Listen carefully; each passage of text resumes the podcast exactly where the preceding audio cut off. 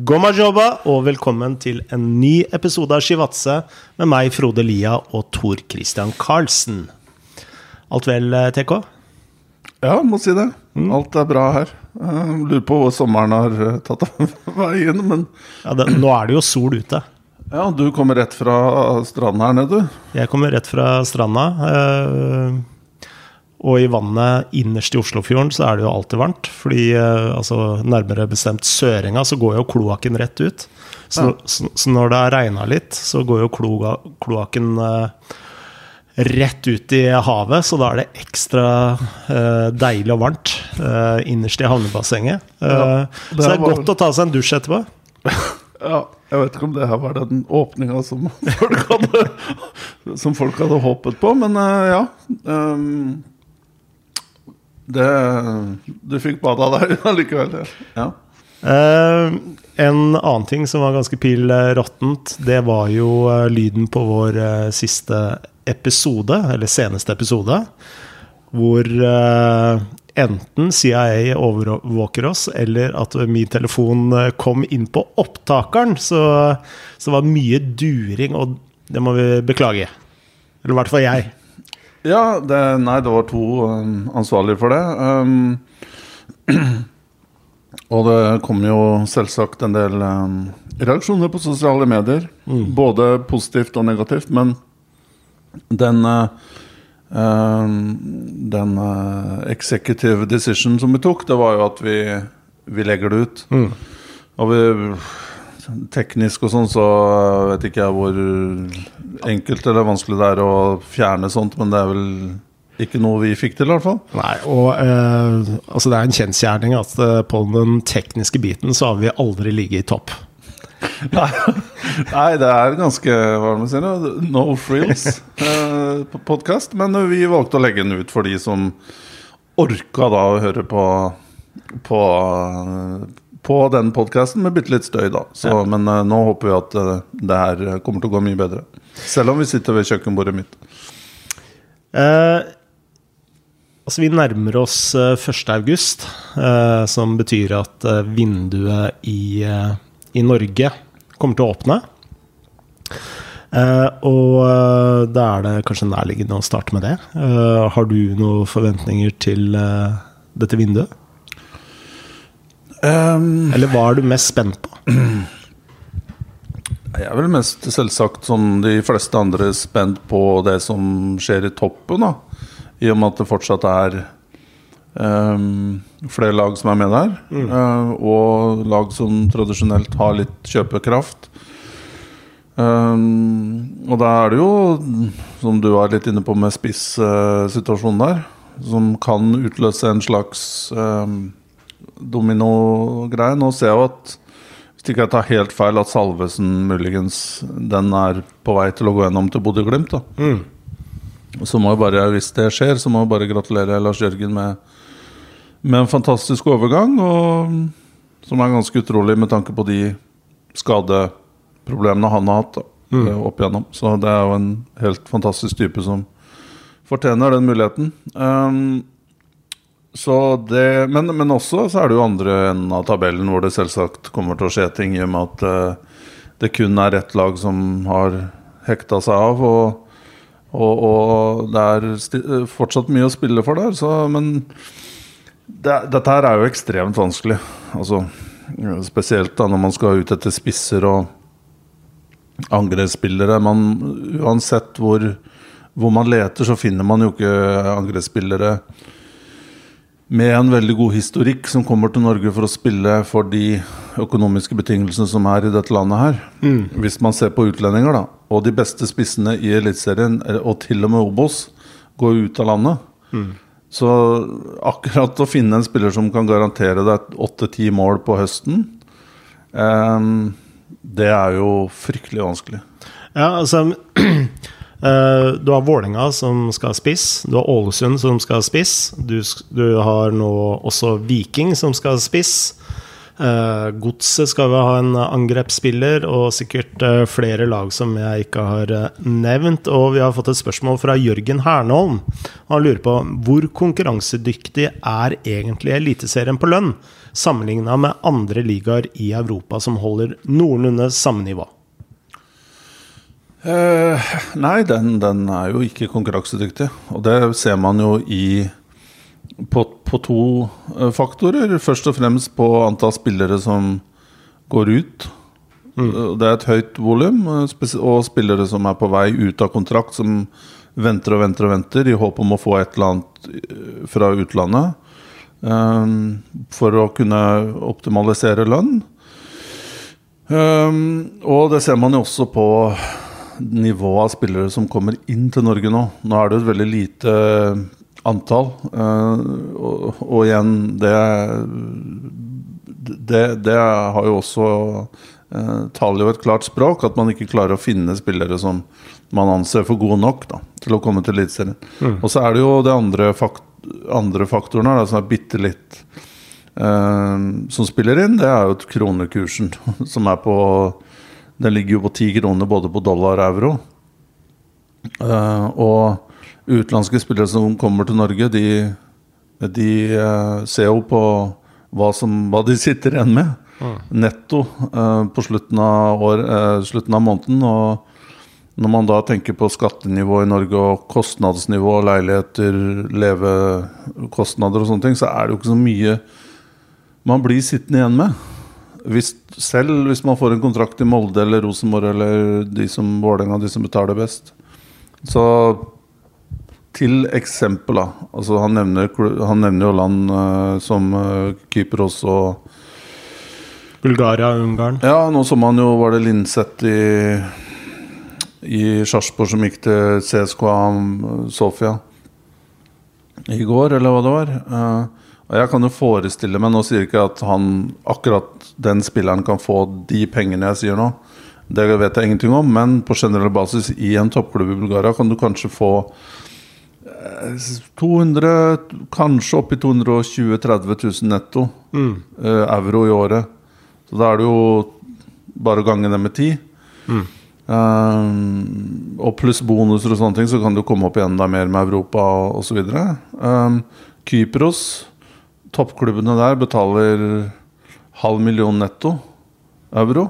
Mm. Det er fem millioner norske kroner. Og de under ligger kanskje på et sted mellom 220 260 000 euro i året mm. netto. Så det er jo tre ganger så mye som du får i Norge, på en måte.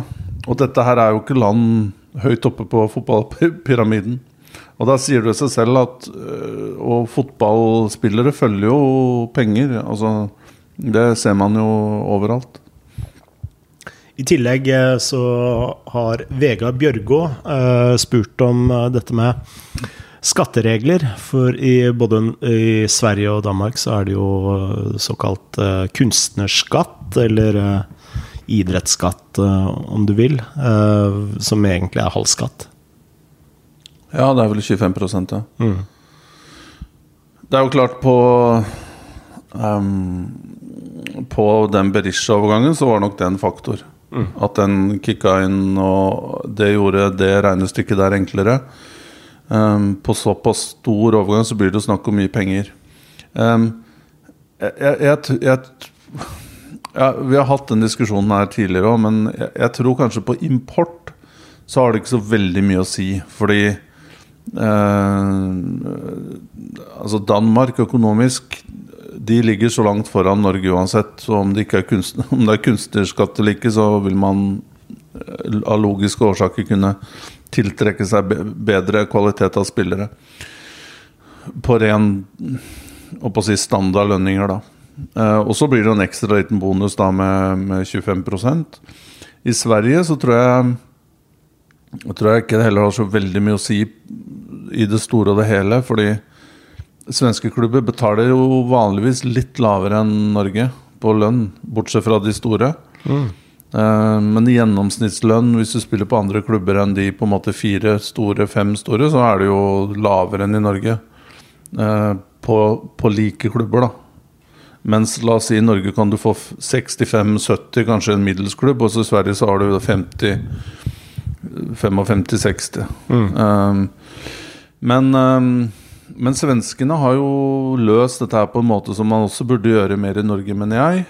Det er å egentlig bare legge litt i Ja, det her er Hvis den hører lyder i bakgrunnen, så er det Kiel Det er Kiel-feire. som står, står nedpå her. Men eh, svenskene de har jo en klar uh, filosofi som jeg mener også kanskje man burde utnytta litt bedre i Norge. Lagt uh, mange deler av import, spillerimport litt på is. Uh, altså, de går ikke inn i marked der de ikke kan være konkurransedyktige. Det, det er ikke logisk lenger liksom å dra til Nederland eller dra til Tyskland eller dra til Østerrike, dra til til og med en del østeuropeiske land, Tsjekkia. Det har ikke noe for seg, for det kvaliteten Du er så langt tilbake i pecking order på de beste spillerne at du vil sannsynligvis ikke få noen bedre spillere enn det du får i hjemlandet. Men der har du disse svenske klubbene som f.eks. Hammarby, som er veldig aktive på Afrika. Og hatt stor suksess med å hente spillere fra spesielt Elfenbenskysten. Og solgt dem videre med profitt og har liksom klare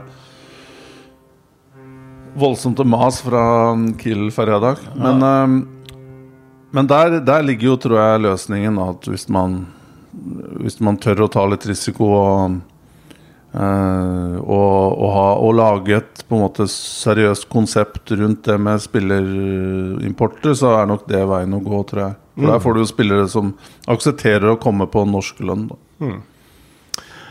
Uh, og, og, dette har vi jo vært innom uh, flere ganger, at Afrika f.eks. er jo et særskilt marked for skandinaviske klubber. Sånn, altså der er det så mange. Og, som kan bruke Skandinavia som et springbrett. Da. Ja, men da må man være Da må man være modige, og man må være tålmodig og tørre å feile et par ganger og i tillegg. Mm. men den potensielle gevinsten her, da, hvis du lykkes og gjør ting riktig, um, den er jo helt enorm. Uh, Se å få Fana nå i Molde som ja. Det er etter et år så ser du han begynner å komme nå. Ja. Mens andre klubber som kanskje ikke hadde vært så hatt så mye erfaring med afrikanske spillere som det Molde har, så hadde de kanskje gitt opp han etter et halvt år, da. Ja. Men nå ser man at han begynner å levere det som man trodde han kunne fra første øyeblikk. Ja, Ei uke i Vålerenga, f.eks. Altså, han slo jo ikke til med en gang, men uh, når han først uh, slo til, så Ja, da var det banens beste hver kamp. Uh, når vi snakker om penger, så har vi fått et spørsmål fra Bjørn Erik Skorge. Snakk om privatpersoner som har eierandeler på spillere i eliteserieklubber, som Tangopoolen i Ålesund. Og jeg trodde dette ikke var lov, jeg. Eh, TPO? Ja. Nei, det er vel ikke lov eh, eh privatperson, da. Eh, men så så fremt man ikke har forandra på eh, noe her siste eh, halvåret Jeg har ikke fulgt så fryktelig godt med det som har skjedd hjemme på Bjerget. Men, men eh, det er ganske overbevist om er lov, og det som praksiseres, det er at du kan eh, som ekstern på en måte entity, gruppering, selskap, så kan du kjøpe da en, pro, en, del av, eller hele om så er, overgangsrettighetene. Ja. Men ikke på, ikke på, konkrete spillere, men hele poolen, hele poolen ja. ja. av mm. spillere. Um, og det er det jeg tror gjøres bl.a. i Ålesund og i, i Strømsgodset. Mm. Um, og i Start tror jeg de også opererer på den måten. Som et slags fond, da, eller? Ja, det blir jo det. Uh, og det er jo en måte å uh, Det er jo en måte å ikke gå rundt TPO. Det er, det er jo, holdt på å si øh, Jeg vil øh, Altså, det, det, er jo mange etiske og sånn Dette her kan jo problematiseres langt inn i den Kiel-ferja som mm. vi snakka om. Men, og sende det ut på sjøen. Men når alt kommer til alt, så har jo ikke fotballklubben her i Norge så veldig mange inntektsmuligheter. Eh, Det har vi snakka om tidligere, Frode. Eh, om eh, de fire-fem forskjellige inntektskildene man har. Og spilleroverganger er jo veldig usikkert. Altså, du kan noen år så kan du selge to, tre, fire. Sånn andre år, to-tre år, så kan det være helt tørt. Og da kommer jo ikke den kapitalen inn. Eh, men får du med deg partnere som er villig til å nesten eh, håper å si, booke eh, Booke litt av gevinsten allerede på forhånd ved å komme med frisk kapital, så kan jo det hjelpe til veldig.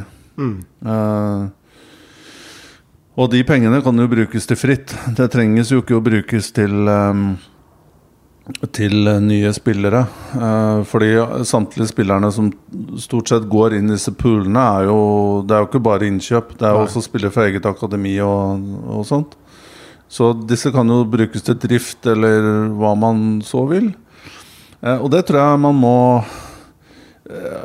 Jevne ut risikoen eh, Ja. litt, da, på en Ja. annen måte. Ja. Ja, og så er det jo klart at hvis man da ender opp sånn som med Med en skikkelig gullkalv, da, la oss si Juke du nevnte gikk, gikk for 35 millioner var, til, til Nederland, så er det klart at supporteren da ville si Ja, hun skulle ikke solgt eh, rettighetene til Juke. Men, men det er det på en måte ingen som ville sagt da året før, hvor han bare løpte inn i bekken og snubla og, og, og, og løp ballen over sidelinja. Jeg vet ikke om du husker det, men vi var faktisk på debuten vi, til, eh, til ei uke. Også, dette var vel seint på, på høsten eh, en eller annen gang. Og jeg husker han løp inn på banen, og så første han gjorde, det var å skli rett på rumpa. Ja, det kan nok eh, Ja. Men eh, Ja, nei, eh, hva tenker du om investorpooler? Uh, altså, det, det spørs veldig, veldig på økonomien til klubben fra før. Da. Altså, du har jo klubber i Eliteserien som Uh, rett og slett ikke har råd til å, å, å hente spillere. Altså eh, Jeg vil ti, uh, si at det, det er i hvert fall fire, fem, kanskje seks klubber i Eliteserien som har så anstrengt eh, økonomi, så bare det å, å kjøpe ut utdanningskompensasjon til en spiller er et problem. Og da er jo det en eh, god løsning og en god modell, da. Eh, men jeg, jeg tenker litt at eh, altså Vi snakka mye om Barcelona i forrige episode. Uh, og det er, nå er det sikkert eh, mange som ikke hørte den pga. lyden, men uh, vi forklarte jo litt hvordan Barcelona har råd til å liksom kjøpe Eller signere Lewandowski og, og rekke andre, andre spillere eh, når de har så anstrengt økonomi som de har. Og det, er, og det korte svaret på det er jo at de har eh, solgt rettighetene til fremtidige medierettigheter. Eh, og det er noe helt annet, fordi de medierettighetene, punkt én det, Dette er rettigheter som alltid bare vil gå oppover. Uh, så sant ikke verdensøkonomien eh, krasjer fullstendig. Altså det, det kan skje, det òg. Men eh, det ser ut som bare å være en løsning eh, Altså, det har blitt eh, beskrevet som å tisse i buksa for å holde seg varm. Uh, og det, det fremstår som en mye dårligere uh, løsning, da. Altså, du uh, Det er nærmest som å kjøpe spillere på, på kred- kredittkort, da. Eh, så jeg tenker jo en sånn løsning med, med en sånn pool eh, fremstår som mye mer fornuftig enn enn, eh, og, og særlig med tanke på at formålet er å, å eh, forhindre nedside, da. Så tenker jeg det er en, ja, en fin løsning. Ja. jeg- Og jeg kan jo bare legge til at jeg tror jo de fleste sånne pooler egentlig blir oppretta for Som egentlig ikke blir sett på som uh, en, eh, en investering, men mer som en støtte til klubben din. Ja.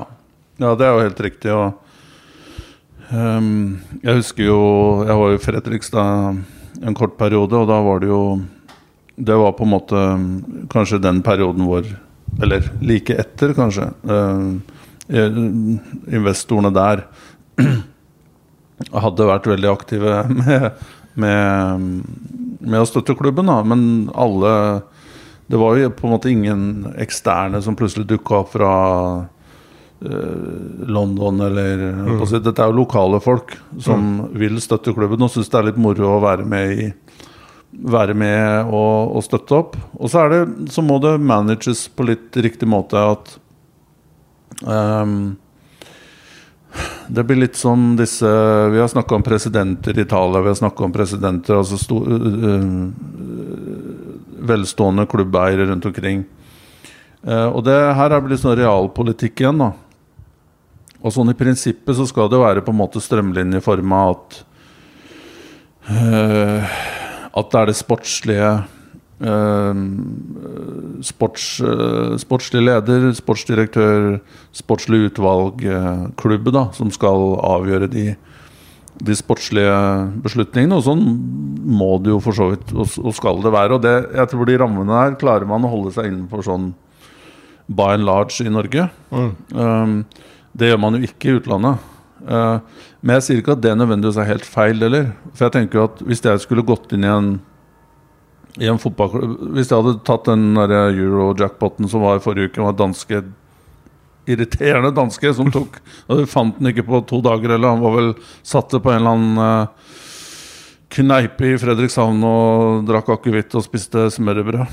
Eh, men uh, de fant han til slutt, og det var vel 1,4 milliarder. Men hadde jeg La oss si da hypotetisk jeg har vunnet den jeg nå skal jeg investere i fotballklubb. Det er jo klart jeg skulle Jeg skulle ikke bare kasta 100 millioner kroner, 200-300, og så på en måte sitte og vente hva som skjer. Du skal jo på en måte ha litt I hvert fall ha en sjanse til å vurdere de spillerne som blir lagt fram, og se at prosessene er gode, og at de folka som driver med det, har litt erfaring fra mm. tidligere. Ja. Uh, og det syns jeg er rimelig. Og her i Norge så kan man liksom Man ser i media at det er veldig sånn svart-hvitt. Å, det var en investor var inne der og sa det, og en investor var det. Vi må på en måte mm, holde litt øye med det som skjer utenfor Norge òg. Hvor vi trenger ikke å dra lenger til Danmark. Uh, og da skal vi ikke til smørbrød og akevitt, men da skal vi til, disse, til fotballen der hvor man har eiere, og veldig mange av dem fra utlandet, som da har lov til å styre absolutt alt og eie klubbene 100% og det er klart at de går ikke inn der for å, for å de, de, går inn for å skape verdier mm. til uh, å bygge klubb. Og, og, skaffe verdier til seg selv. Og det, det henger jo også sammen. Mm. Uh, hvis du er suksessrik på banen, så får du mer uh, betalt for spillerne. Men, men, tenker du da at altså jeg, Når jeg nevner at det er jo stort sett idealister, da. Mm. Uh, Og dette er jo kun an anekdotiske eh, bevis. Eh, så det er ikke noen garanti for det jeg sier eh, faktisk stemmer. Men mitt inntrykk er jo at det er stort sett folk som ønsker å støtte klubben sin, da, som går inn. Og så er det noe altså Vi har jo sett noen unntak i, i Drammen, blant annet. Ja, vi hadde jo Kan jeg hoppe inn her? Ja. Vi hadde jo et unntak bare sånn for å legge den død med en gang. Du skal jo ikke ha investorer inn i garderoben og drive og styre og prate med, til spillerne og sånn. Da er du helt på ville veier. Det har jo ikke noe med investeringer og Du kan kanskje på en eller annen måte rettferdiggjøre det òg, men ikke med min logikk, i hvert fall. Du, du, skal være med der på en måte pengene blir disponert. Ja. Ikke der det sportslige beslutningene på en måte inn mot kamp og trening og opplegg og snakke med spillerne og sånt. Det blir jo for dumt. Selv om man også gjør det i, i Italia. eh, og andre steder. Der er jo gjerne presidenten inne i garderoben etter kampen og gir noen bonuser når det går bra, og, og kjefte litt når det går dårlig. Mm. Det er jo ikke akkurat best practice, så vi må klare å skille hva som er fornuftig og ikke. Ja. Um, ja, for det er litt det jeg skulle inn på, da. At uh, man kun, kunne kanskje hatt en oppside ved at det blei enda mer profesjonalisert. Uh, litt som et oppstartsselskap eller noe sånt, med litt klarere skille og, og uh, avstand. Ja, men det er jo her management må komme inn. Mm. Og legge litt Og øh, da tenker jeg daglig leder eller sportslig leder. Og det er jo de som skal håndtere relasjonene til investorer eller, eller klubbstyret. Og legge klare skillelinjer på hva som er akseptabelt, og hva som er ikke. Og, men det er klart, disse grensene er jo litt sånn flyter jo litt.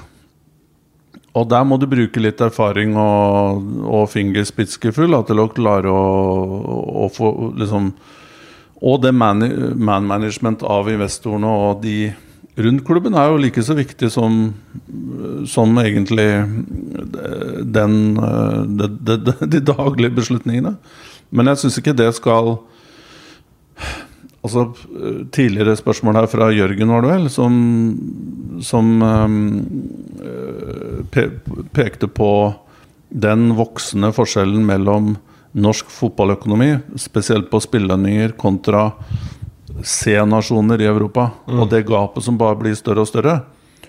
Uh, og Vi har også vært inne på den uh, Det var vel et eller annet dokument fra norsk toppfotball hvor de også på en måte har identifisert den problemstillingen der og forsøker å komme opp med, med noen tanker om hvordan det skal minim minimaliseres, da, det gapet der. Og det er jo konstruktivt og interessant. Um, og i den um, Og hvis man da ønsker høyere kvalitet på Eliteserien og beholde spillere lenger her, enn at de bare skal forsvinne til så fort en eller annen klubb i Polen eller uh, Kypros eller Bulgaria kommer, vi er jo alle enige om at spillere skal ikke stoppes fra å utvikle seg. Altså gå til Holland eller Belgia eller Tyskland. Det er jo, alle forstår at det er et, et godt steg, til og med Danmark. Uh, men da må vi også ha med oss Vi, vi må jo få en kapital.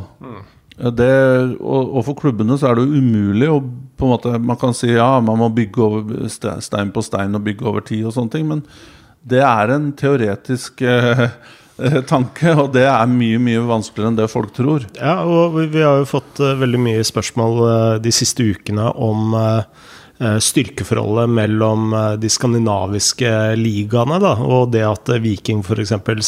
Selger tre spillere til Brønnby, sier jo veldig mye om styrke, styrkeforholdet. Ja, i hvert fall økonomisk. Og så er det en del som har posta på Chivadze-kontoen der at Norge, koeffisienten til Norge er høyere enn både Danmark og Sverige.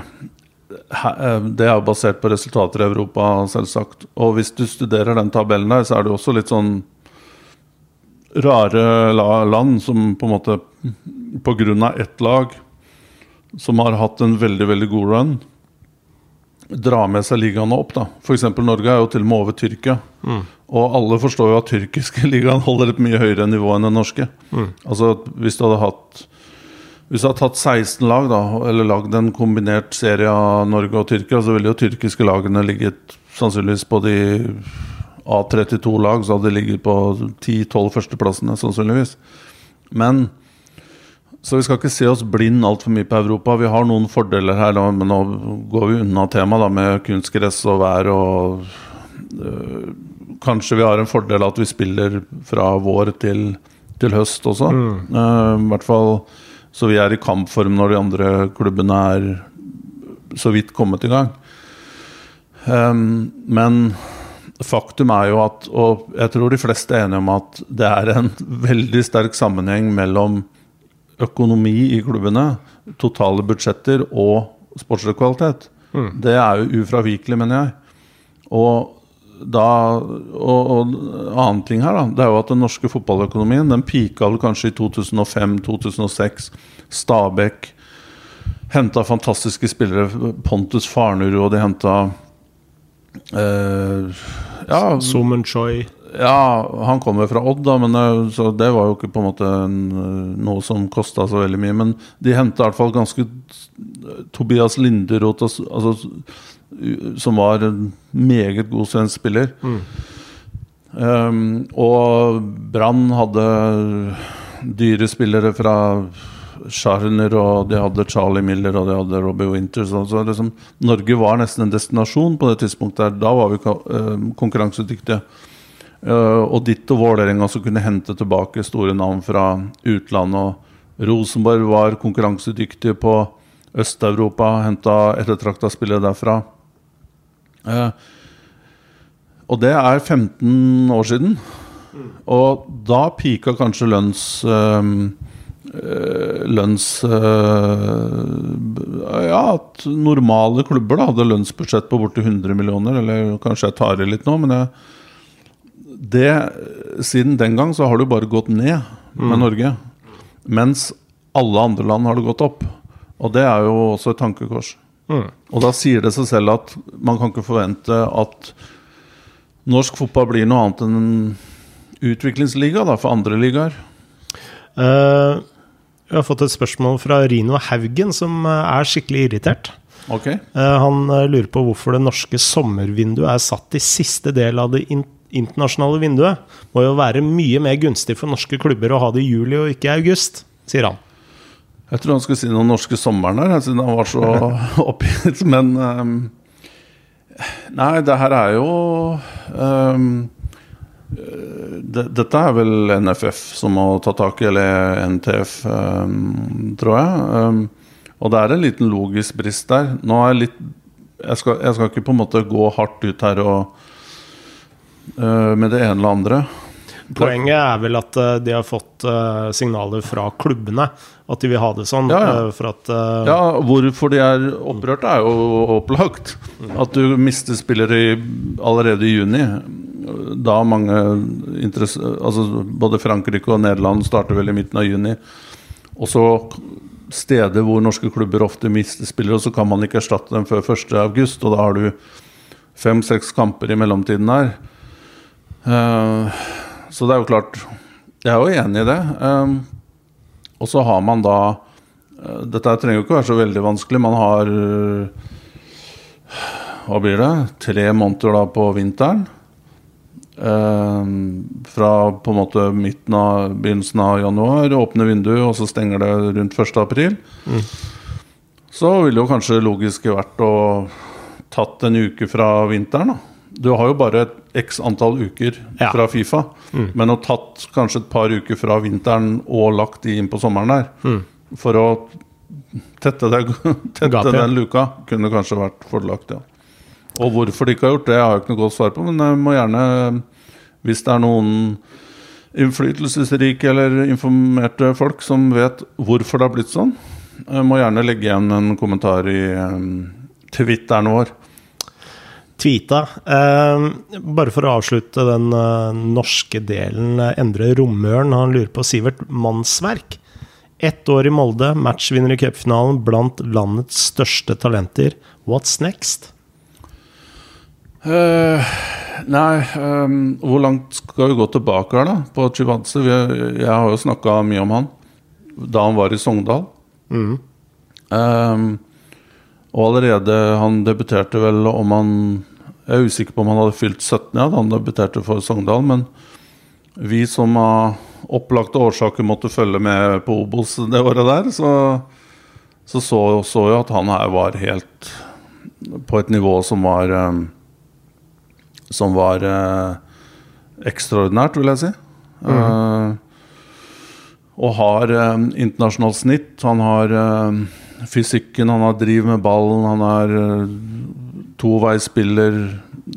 Spiller enkelt, men samtidig kan gjøre øh, ekstraordinære ting. Um, og det vi diskuterte da for et par år siden, jo, eller kanskje også tre år siden, var jo um, er han her klar allerede for å gå rett til utlandet? Uh, og så har det nok litt med pandemi å gjøre at han eh, Han slo vel gjennom i 2019.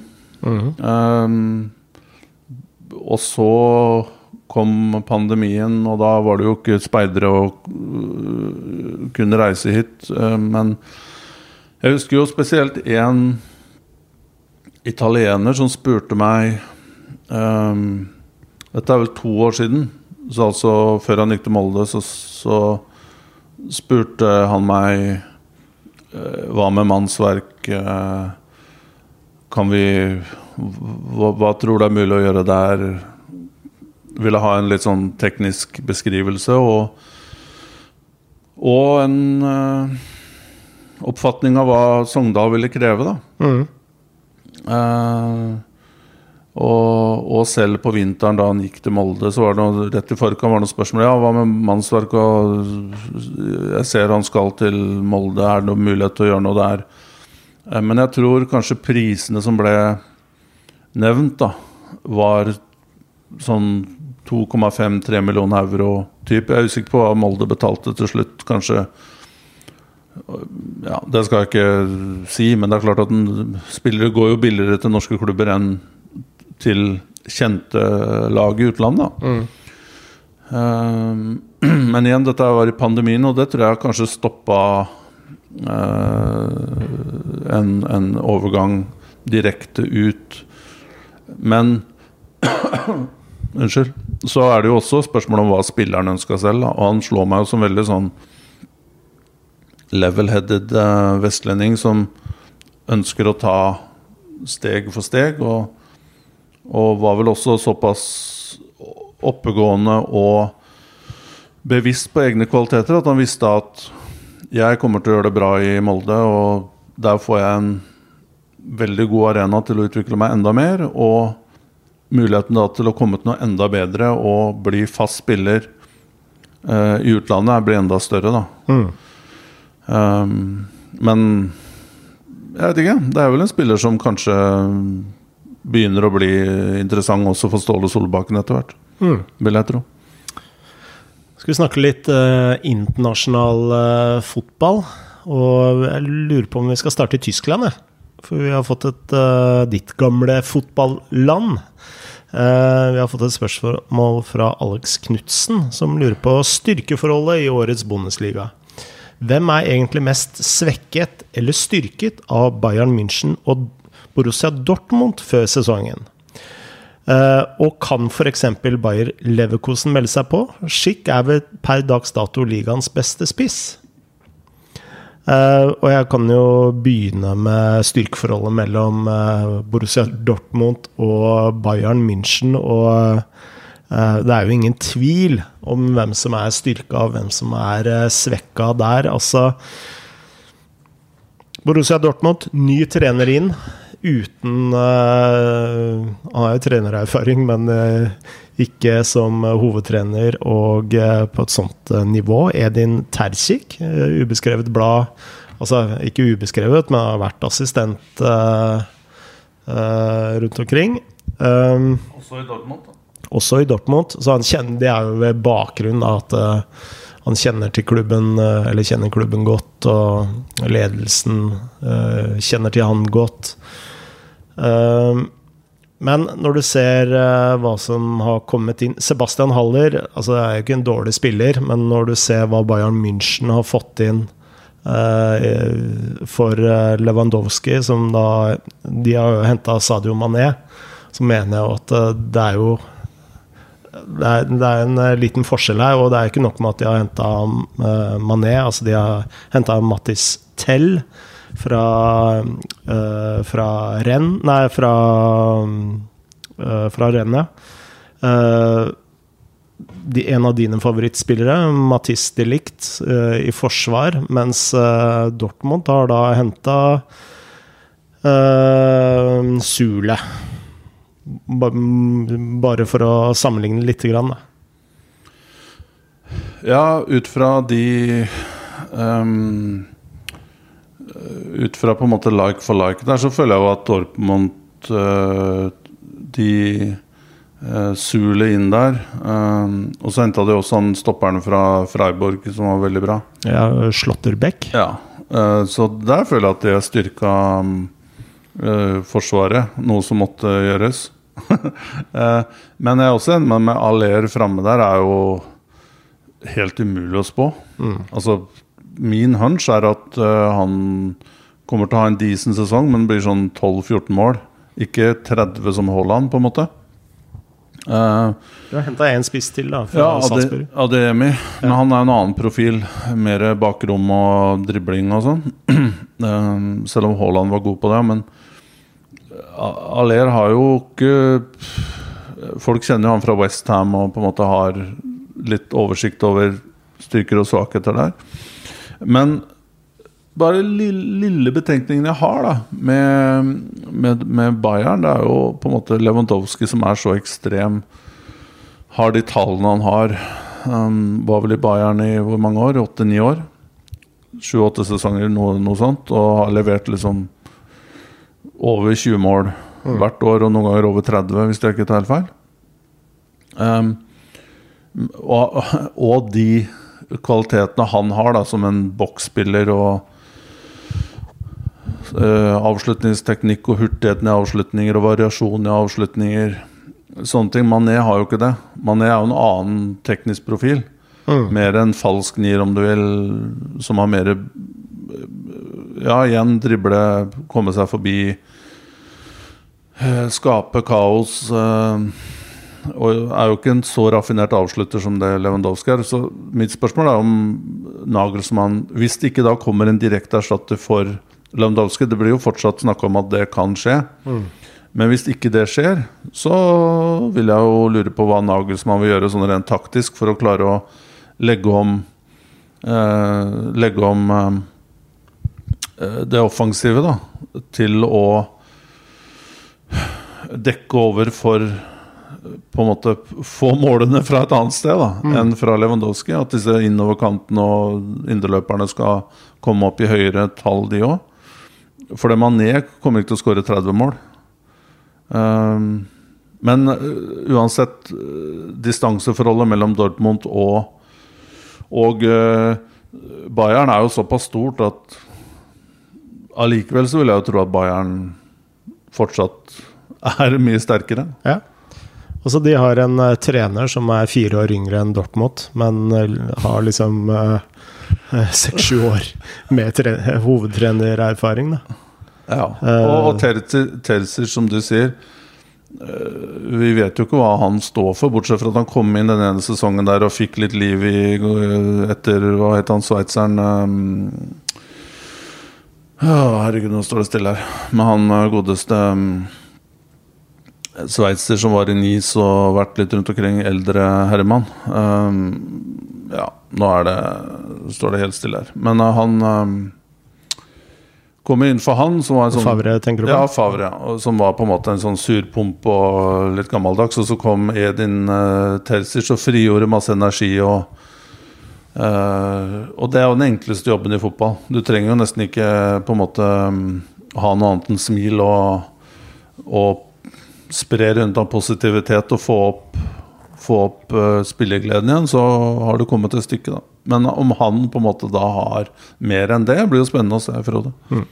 Uh, en annen spiller det er mye buzz rundt, det er Charles Di Ketalere. Nå uttalte jeg garantert navnet hans feil, men Roar med Skarrær. Uh, Syns det er litt sånn merkelig at eh, Leeds har fått eh, godkjent et bud, men, og Milan er da interessert, og spilleren selv vil gå til Milan, og ja, mye køl, da. Rør. Rundt, rundt, dette. Er dette en spiller som er verdt 35 millioner euro? Passer han i Premier League eller Serie A best? Ja, uh, igjen en gjenganger på Chivadze her. Um, og hvis jeg kan få lov å referere til den der ISBN eh, e topp 39-lista på U21-talenter som jeg lager hvert år, den siste fra 30. april i år, så hadde jeg jo han på 23. 23.-plass, som er ganske høyt for en spiller fra en på en måte ikke topp fem-liga. Mm. Ja, veldig veldig sansen for han. Mm. Um, veldig spesiell spiller. Men han har jo borti 100 kamper allerede i toppligaen i Belgia.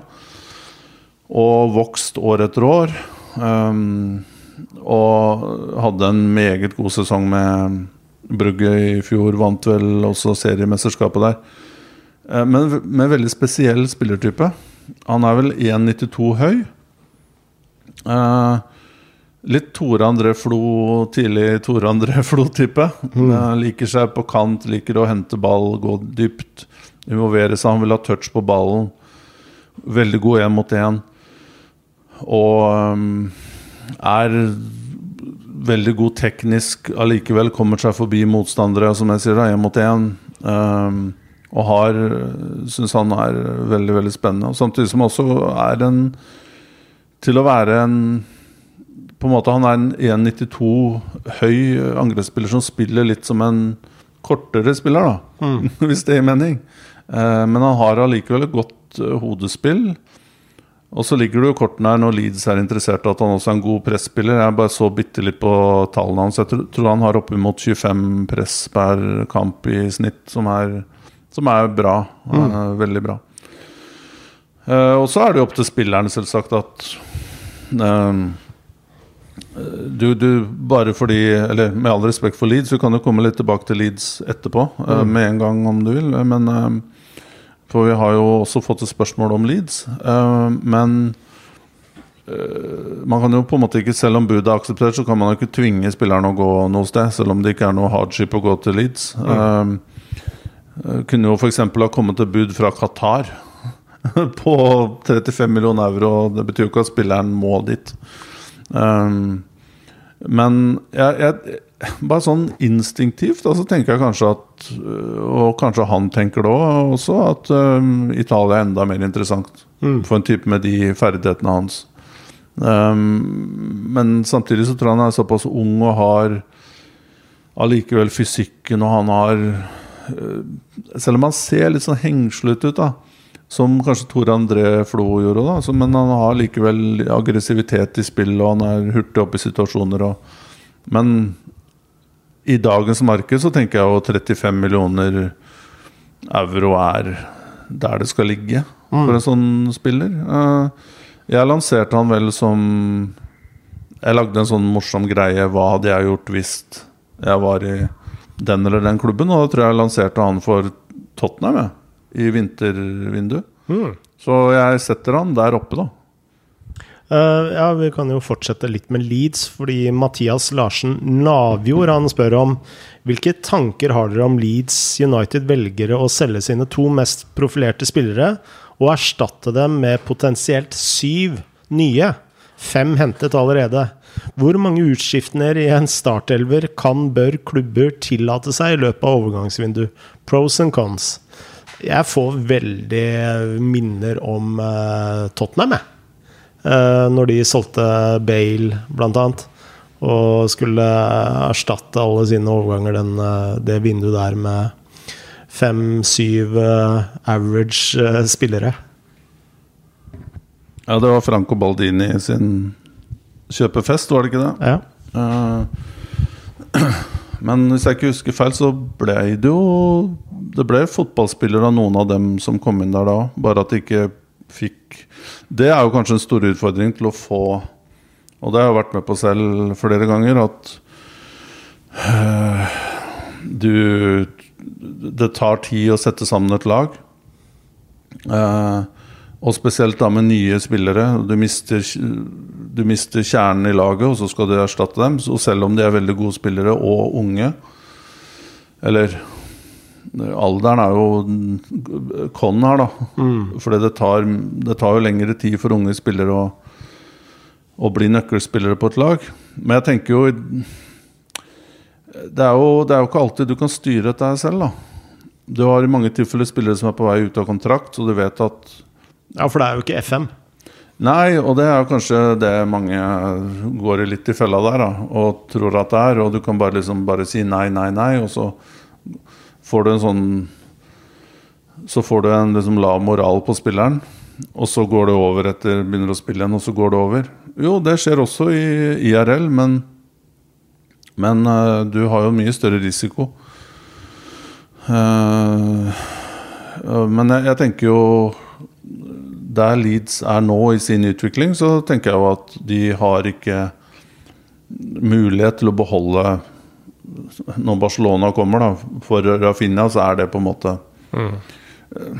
Så er det altfor vanskelig å holde på spilleren. Ja. Og du Du har kanskje gitt lovnader uh, uh, til spilleren som du ønsker å Du ønsker å, å honor, og, og, da må det bare bli sånn. Um, men det er klart, hvis Leeds kommer seg opp og blir på en måte en øvre halvdel-klubb igjen, begynner å spille i Europa, så er det jo enklere å holde fast ved spillerne. Mm. Men jeg syns jo strategien her er god. Um, selv om det innebærer visse risikoer. Men jeg tipper Leeds har kalkulert med at vi skal i hvert fall klare å holde plassen. Og det tror jeg de gjør. Uh, og da er ikke på en måte ris Forutsatt at den kalkuleringen slår til, så er jo ikke risikoen så høy. Mm. Um, og, og, den strategien med at de henter på en måte klart definerte, definerte spillere med akkurat de egenskapene de ønsker, riktig alder, um, syns jeg er helt riktig. Um, og de har jo henta spennende spillere sin i stedet. er spennende. Jeg har ikke sett så veldig mye av han. Men jeg har sett litt, og han har jo også egenskaper som er litt sånn Rafinha light-type. Mm. Du snakka jo litt om han også forrige gang, Frode, i Barcelona-segmentet der. Mm. Litt om bakgrunnen hans og sånt. Så folk kan jo spole tilbake dit igjen hvis de orker uh, lydgreiene vårt. Men um, Rasmus Christ Christensen heter han vel. Kristiansen. Jeg tar alltid feil av de to navnene, men uh, venstrebekk fra Salzburg, veldig interessant. Bør kunne klare seg bra i Premier League med offensive kvalitetene, fysikken han har, hodespill som back, som blir kanskje viktigere og viktigere med tanke på markeringer og sånn bakre stolpe og alt det der. Eh, men de to amerikanerne, og spesielt Brendan, uh, Brendan Aronson, som også var på den lista mi, da, som jeg syns er utrolig spennende. Selv om jeg lurer litt på hvor han kommer til å ende i Premier League, fordi han har litt av de samme kvalitetene som er veldig tydelige i Premier League. Da. Det med energi og presspill og entusiasmen og sånn. Han er jo allikevel en veldig god fotballspiller og smart og hurtig og tredjemannsløp som er helt ut av den andre tredjemannsbevegelse, som er helt ute av en annen verden. Og siste der er jo Tyler Adams òg, som du kan bruke på mange forskjellige plasser og er eh, liksom en veldig god spiller uh, overall. Um, det er min uh, oppsummering av det. Uh, altså Du var litt inne på at Leeds beholder plassen. Og Sondrell han lurer litt på hvilken klubb kommer til å overraske eller skuffe i de fem største ligaene. Uh, og eh, altså, du er inne på eh, Premier League her. Eh, en av de klubbene jeg tror kommer til å overraske positivt i år, det er Tottenham. Jeg tror at Tottenham ikke vinner Premier League, men kan være å slåss om andreplassen med Liverpool.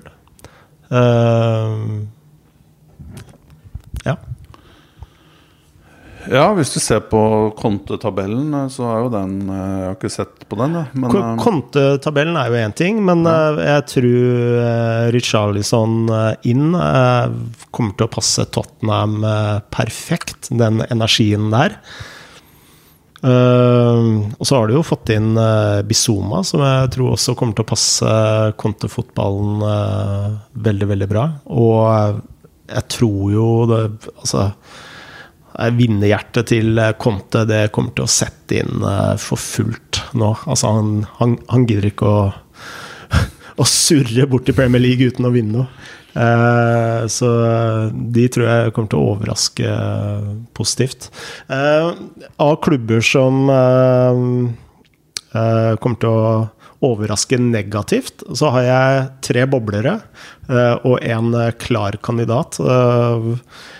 Og den klare kandidaten er også i Premier League. Eh, Manchester United tror jeg kommer til å skuffe noe voldsomt. Jeg tror det prosjektet Ten Hag er dødfødt.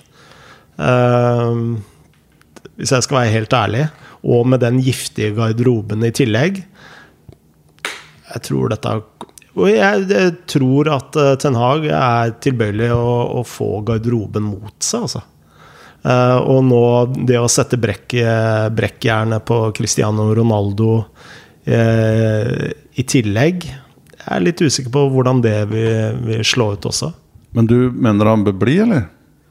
Nei, nei, nei. Han bør jo bare dra for Manchester Uniteds ja. del. Men samtidig, da. Altså, han er jo eneste som skårer mål der. Ja øh, Framover på banen der så er det jo supertynt. Um, og Og ingen vil jo dit. Nei. Um, og Nei, jeg er for så vidt enig. Altså, med, jeg forstår hvorfor de gjør som de gjorde. At um, de vil De vil gå i en annen retning, og de vil ha en trener med en, med en klar idé og en klar filosofi. Og, og en som på en måte ikke tar fanger.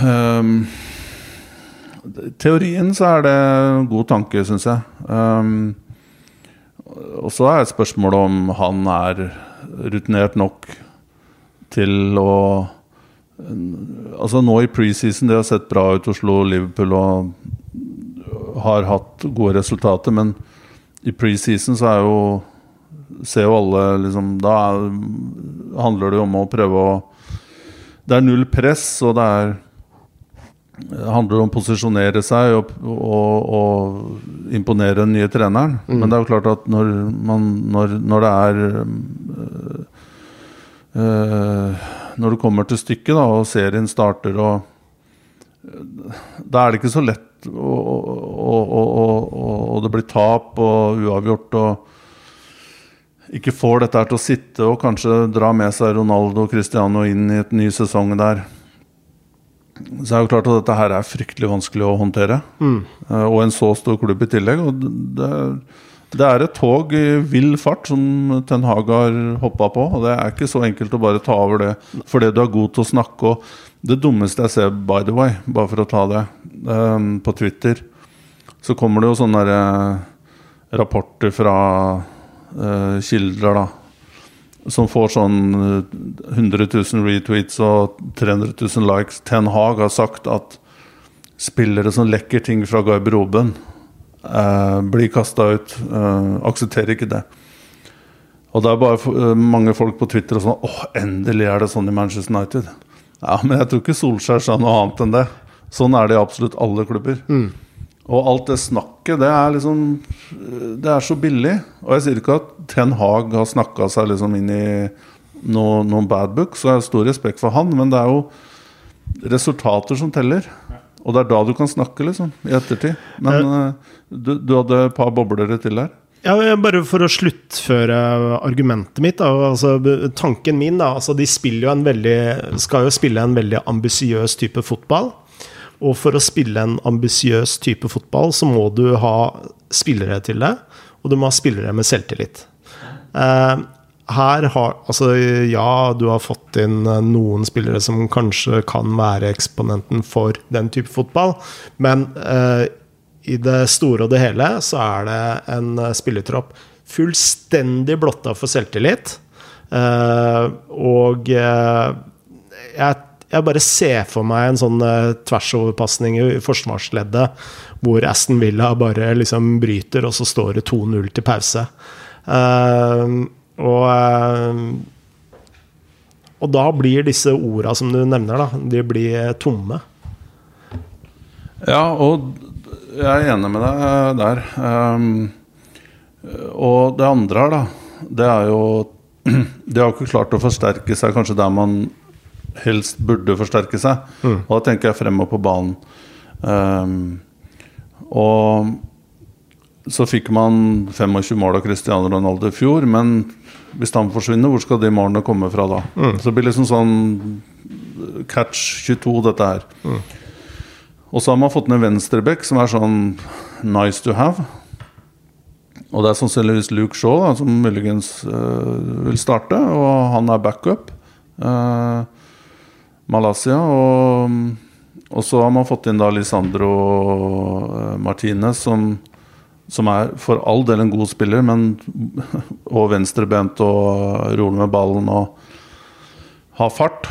Men skal du bruke da en stopper på 1,76 i midtforsvaret i England eh, det kan funke, det òg, men han er ikke Canavaro i lufta. Mm. Uh, selv om han er en veldig god duellspiller. Men dette er også tall som er basert på nederlandsfotball og litt Champions League. hvor du ikke har de samme utfordringene i luftrommet for eksempel, som du har i England. Jeg er ikke totalt motstander av stoppere som ikke er 1,85, men jeg tror i England så er det en fordel. Mm. Og så har du to store utfordringer der, altså bortsett fra um, Cristiano-situasjonen. Og det er jo to av nøkkelspillerne som kanskje var de beste spillerne sånn i teorien til Manchester United, som ikke har, ikke har prestert i det hele tatt. Og det er jo Harry Maguire, stopper. Verdens dyreste midtstopper, som er var eh, på en måte inntil et år siden kanskje den viktigste spilleren for I hvert fall for England. Uh, ble kåra til uh, Euro 2020 sitt uh, turneringens lag. Som har null selvtillit, som du sier, og heller ikke har de egenskapene som man forventer av, eller som man tror Ten Hag vil ha en stopper. Da. Han er jo ikke hurtig. Mm. Han er enkel å komme seg forbi på, på hjem mot én-situasjoner. Han ikke, har ikke kontroll på spillet som løper bak. Hva gjør du med han? Uh, og det andre er Rashford, som skårte borti var over 20 mål for Manchester United for et par sesonger siden og var liksom sett på som en av de beste unge angrepsspillerne i Europa. Som hadde en meget svak sesong i fjor har ett år igjen av kontrakten. Altså, får du reparert han over en sommer, da?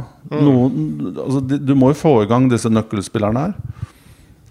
Så det, det, tror jeg er en veldig stor utfordring. Og så, så er det jo bra at Manchester United-supportere er positive og de gir dette en sjanse. Uh, men hvis Ten Hag får til dette her og leder Manchester United til Champions League-plass, så er jo det en helt enorm oppgave han har gjort. da Så vi ser om et år. Jeg hadde jo et par bobler òg. Eh, bobler nummer én, PSG. Eh, jeg er veldig usikker på det prosjektet til Kristoff Galtier. Eh, jeg tror det er feil mann. Altså her har du en sånn jernhanske som liker å spille direkte fotball med, med liksom Ferrari-spillere. Eh, som ikke gidder å løpe, og som, eh, som de i hvert fall har vist i Champions League. Og, eh, og, ikke liker å måke ballen opp. Jeg bare ser på det som en utrolig rar match. Og så har jeg Barcelona. Jeg kan ikke skjønne at med alt det kokos og røret som har vært der de siste månedene, at du skal kunne å ha en sammensveisa gjeng der nå. Bare tenk på Frenkie de Jong. Uh, altså Barcelona har gjort alt for å bli kvitt den, og han nekter jo. Uh, til og med uh, har de sendt treneren til City med at Og ryktes at skal fortalt at du har ikke en plan i min tropp, selv om han sier noe annet utad. Um, og alle disse uh, Depay og Nei, det bare virker Og det at du bruker jo tid til å sette sammen et lag også, med så mange nye spillere, eh, og en økonomi som fortsatt kommer til å skrante. Eh, jeg er utrolig usikker på det prosjektet der. Mm.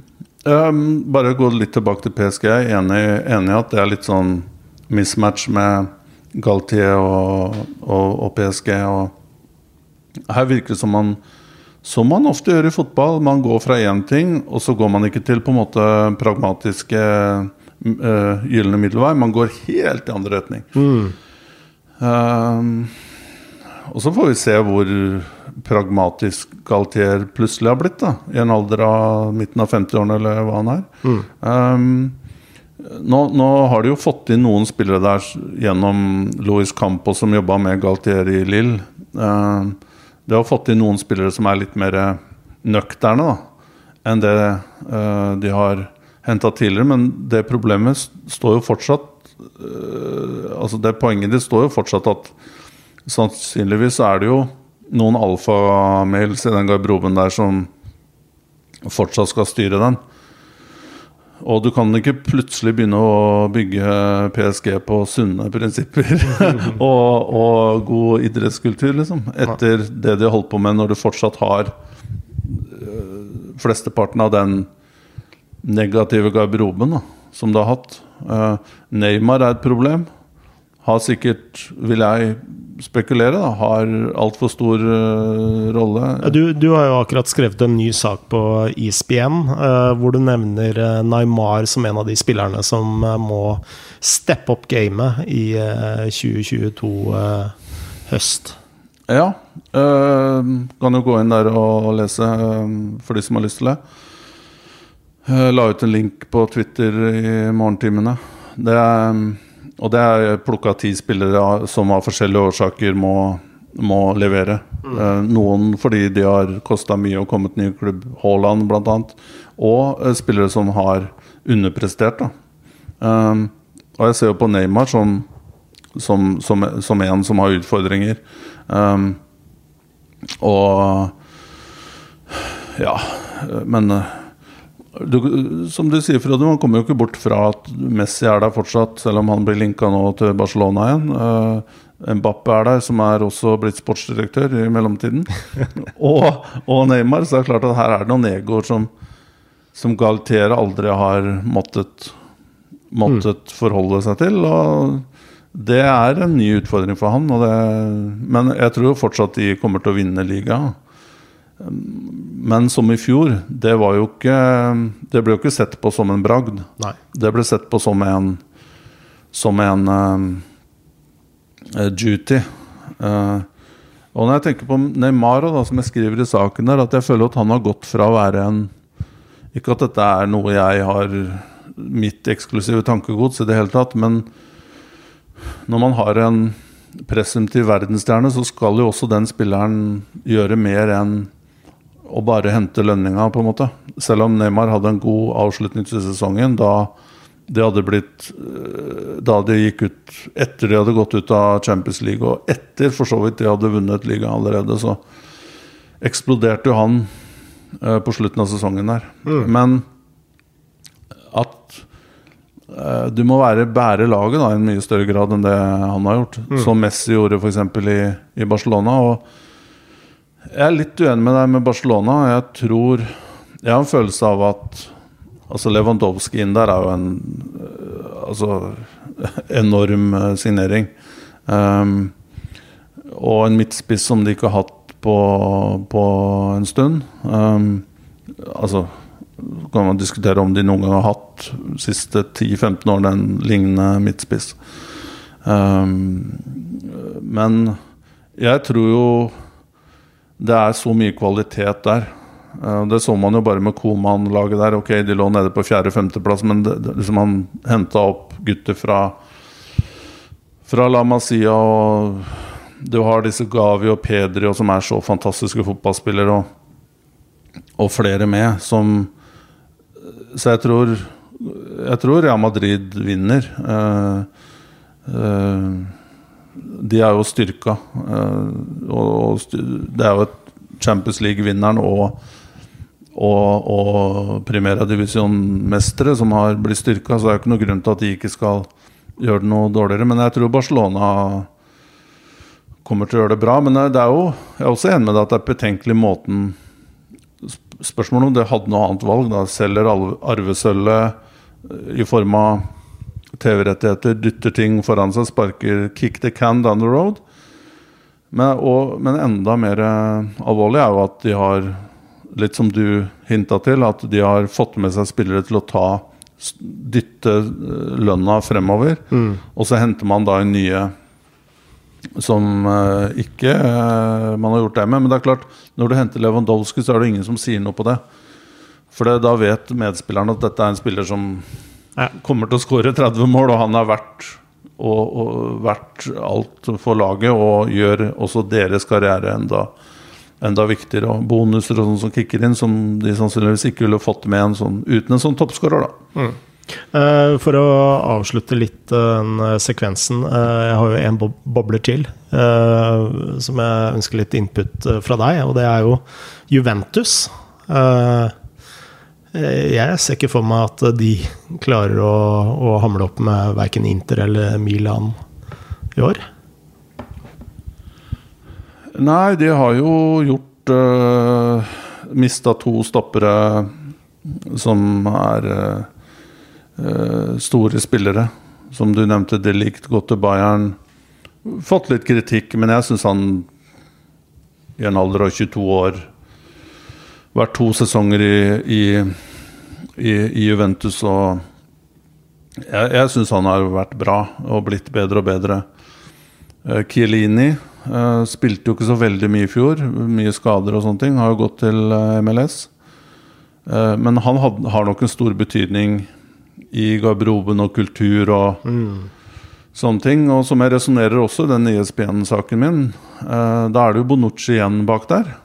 Som skal holde dette her eh sammen. Uh, med disse offensive bekkene, brasilianerne på høyre og venstre. Og, og så har du fått fått en brasilianer til, da, Bremi fra Torino, som er en veldig god stopper. Uh, men det er tynt. Og så vidt jeg vet, så er det jo De skal ha en midtbanespiller til Uh, defensiv midtbanespiller fortrinnsvis. Uh, men man forventer vel da at Vlaovic skal virkelig Slå til full blomst? Ja, som var starta bra Juventus, men slukna litt utover, da. Jeg trenger litt tid, eh, sa han et, i et intervju i går. Ja, det, de fleste trenger det, men Juventus er Juventus. Um, Eh, for å eh, avslutte her, eh, så har vi fått et spørsmål om Liverpool. Stefan K. Hansen han lurer på hvor stor forandring vil det bli i Liverpools angrep etter at Nunes kom inn. Han er en ren boksspiller i forhold til Mané og Firmino og Yota, som ofte blir brukt som falsk nier. Er dette små justeringer, eller vil det ta tid? Jeg tenker at Uh, ja, det er jo små uh, justeringer, men det handler vel enda mer om at eh, Liverpool nå kan spille på flere strenger. Og særlig når du mister en så sterk kantspiller i, i, Mané, så Og det var jo Eller jeg skal jo ikke si at Liverpool har mange problemer, men men, eh, eller, eller, utfordringer, så bra de har spilt de siste årene. Men altså, fotballen blir jo mer og mer eh, taktisk, så det å kunne endre kampbilder eh, og taktikk under kampene er jo stadig viktigere, og særlig internasjonale kamper. Så jeg vil heller snu på det og si at Nunes gir Liverpool en ekstra dimensjon som de ikke har tidligere. Ja, jeg er med på det. Jeg er ikke helt enig i premisset til eh, Til eh, vedkommende som sendte inn her. Mm. Um, fordi jeg tror Núñez er um, Påtenkt en kantrolle? Nei, det tror jeg nok ikke. Uh, kanskje. Men han er jo jeg, jeg, vil ikke låse han Det er ikke en angrepsspiller du nødvendigvis må låse inn som en nier. Bare gjør de tingene der, selv om kanskje i preseason at han får inntrykk av det. Men um, du har jo Han er jo fortsatt Ok, han er helt annen type spiller enn Mané, som er som mer forutsigbar og han vet jo ikke selv hva han skal gjøre mm. han får, før han får ballen. Men han gjør det han gjør, og det lykkes han med, liksom. Mm. Og det er umulig for stopper å lese hva han gjør. Og den derre akrobatikken og vendingen og sånn er jo helt eh, Jeg har ikke sett noe lignende, tror jeg. Men, altså, det er jo åpenbart at dette ikke er en sånn klassisk akademispiller. Ja, ja, ja, absolutt. Uh, men uh, man beholder den kontringsstyrken mm. som man hadde med, med Mané. For det Núñez har jo også fart, og han kan drible, og han, han kan plukke ballen uh, høyt i banen og føre ballen veldig bra. og så har han kanskje et enda bedre tilslag enn det Mané hadde, eller har. Selv om Mané også har bra tilslag. Eh, men han har kanskje enda bedre raffinert teknikk da. Mm. På, på, avslutninger og sånne ting. Um, og det hadde vært umulig for nå i disse dager, da, hvor det er veldig populært å på en måte analysere spillere ned til minste detalj. Og det kan du gjøre i, i, i stor grad. Men Mané er det umulig å finne en tilsvarende spiller. altså, han er så unik i måten han spiller på og, og, ferdighetene at jeg forstår at Liverpool har gått for en annen, annen type her. Mm. Uh, Så, men at det vil ta tid, ja. Det er jo noe helt annet å spille i Benfica og sånn enn der er å eh, Å komme inn og score liksom med en gang i Premier League. Og det får vi se på Haaland nå. Kan også bli det samme der. Men sånn tankegangen og måten Liverpool har gått fram på her, syns jeg er er forståelig. Og syns det er, blir ekstremt spennende å følge, følge det. Jeg tror vi er i mål for i dag, TK. Ja, det Jeg er snart ikke med batteri på, på spilleren. Nei, da får vi bare gjøre som vi alltid gjør. Da får vi si som vi alltid sier her i Sjavatse. Jabuba, og ha en fin uke.